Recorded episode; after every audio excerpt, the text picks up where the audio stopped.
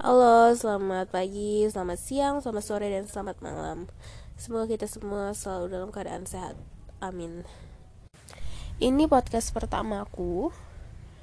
Jadi, di podcast pertama ini, dengan senang hati aku akan menceritakan pengalaman hororku yang enggak banget yang tidak ada menarik-menariknya tapi kayak pengen share aja. Ya selamat mendengar. Tapi kalau didengerin syukur. Nggak didengerin juga ya nggak apa-apa. Makasih. Sebelumnya aku minta maaf karena suara aku yang nggak banget ini lagi nggak fit. Jadi mari kita simak ceritanya Kejadian ini terjadi ketika aku duduk di kelas 8 Jadi kalau kelas 8 itu kelas 2 SMP Nah, eh, hari itu aku pulang sekolah sekitar jam 2 siang Atau pukul 14.00 waktu Indonesia Barat. Karena mama sedang menunggu adik di sekolah, otomatis rumah pun kosong seperti pada umumnya, aku melepaskan sepatu dan kaos kaki, meletakkan tas sekolahku di ruang tamu. Aku langsung menuju kamar karena hari sedang turun hujan. Jadi saat itu tuh emang turun hujan. Nah, suasananya sangat mendukung kan kalau hujan untuk tidur. Jadi aku mengantuk tuh. Aku masuk kamar. Aku berniat berbaring sebentar di tempat tidur dengan pakaian seragam yang masih berbalut di tubuhku. Hmm uh, posisi tidurku itu melintang. Biar ku beri gambaran sedikit jadi kamarku ini ukurannya 3 kali 3 meter di mana tempat tidurku ini dari kayu yang zaman dulu itu loh. Nah jadi ada kolong di bawahnya.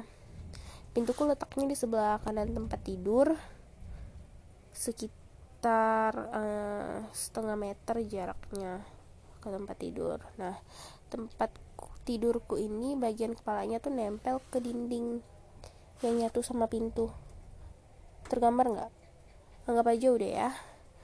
Terus uh, aku berbaring dengan posisi melintang kepalaku ke arah pintu.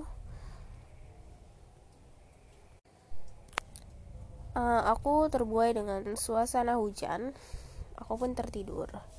Tidak beberapa lama aku memejamkan mata, tiba-tiba saja datang seorang pria berusia sekitar 24 sampai 26 tahun gitu.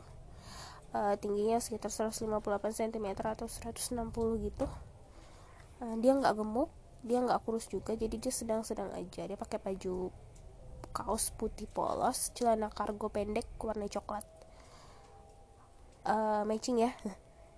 Dia nggak punya Aku kaget tapi kesal karena mengganggu tidurku. Dia berdiri di atas kepalaku. Bukan di kepalaku bukan emang bener-bener di kepala tapi di atas kepalaku. Karena kan aku tidurnya melintang gitu kan jadi dia kayak ada di sisi atas kepala aku gitu.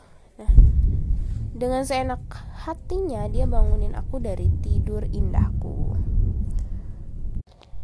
Dia memintaku untuk uh, aku tuh pindah posisi tidur karena aku menghalangi jalannya dia nyuruh aku ke samping dikit mau ke kanan apa ke kiri bebas lah. Yang penting nggak di situ. Aku nggak mau dong. Aku bilang kenapa kenapa nggak kamu aja yang lewat di samping kiri atau di kanan aku? Kan eh, nggak uh, harus aku pindah gitu. Kamu bisa lewat tuh di kiri kanan aku. Terus dia jawab itu bukan jalannya dia. Aku bodoh amat lah ya karena aku pikir itu rumah punya aku. Ngapain dia ngatur-ngatur aku seenaknya jadi aku tetap berada pada posisiku dan dia pada posisinya. Dia marah. Dia tarik rambut aku satu tangannya ngangkat kepala aku di bagian leher dekat dagu gitu. Aku diseret aku kaget aku meronta tapi tenagaku tidak cukup kuat. Uh, aku terseret dan terjatuh dari tempat tidur. Itu sakit banget. Karena bunyi ya. Gimana sih kalau misalnya jatuh dari tempat tidur? Bunyi kan?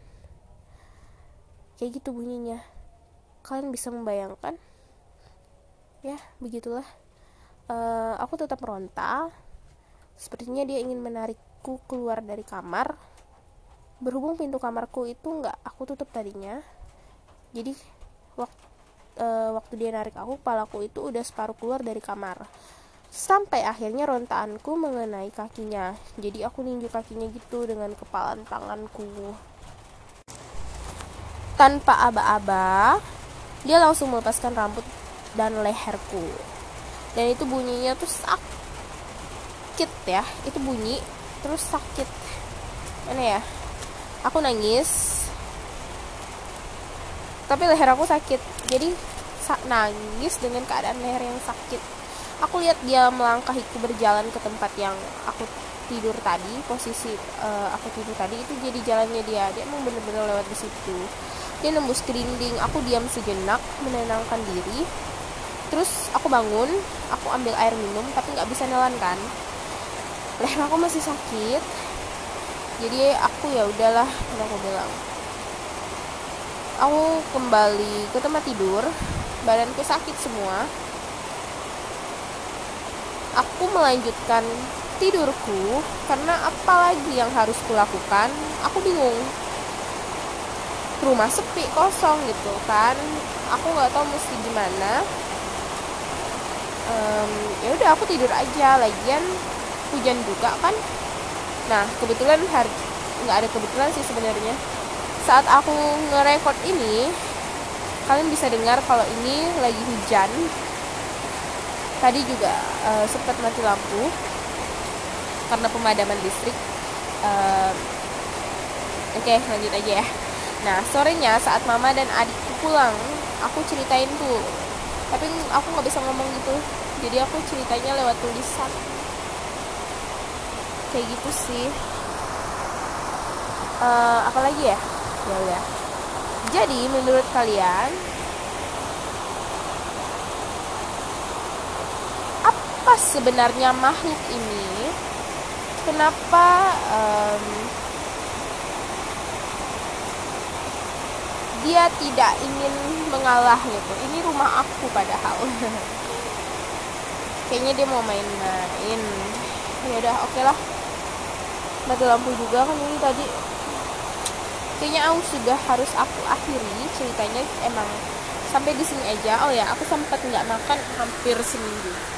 Tiga hari empat hari atau aku lupa. Tapi aku makan bubur sih awal awalnya nah uh, demikianlah ceritaku. Terima kasih sudah mendengarkan cerita yang nggak penting ini. Selamat selamat apa ya ini? Selamat ya udah selamat tidur dengan nyenyak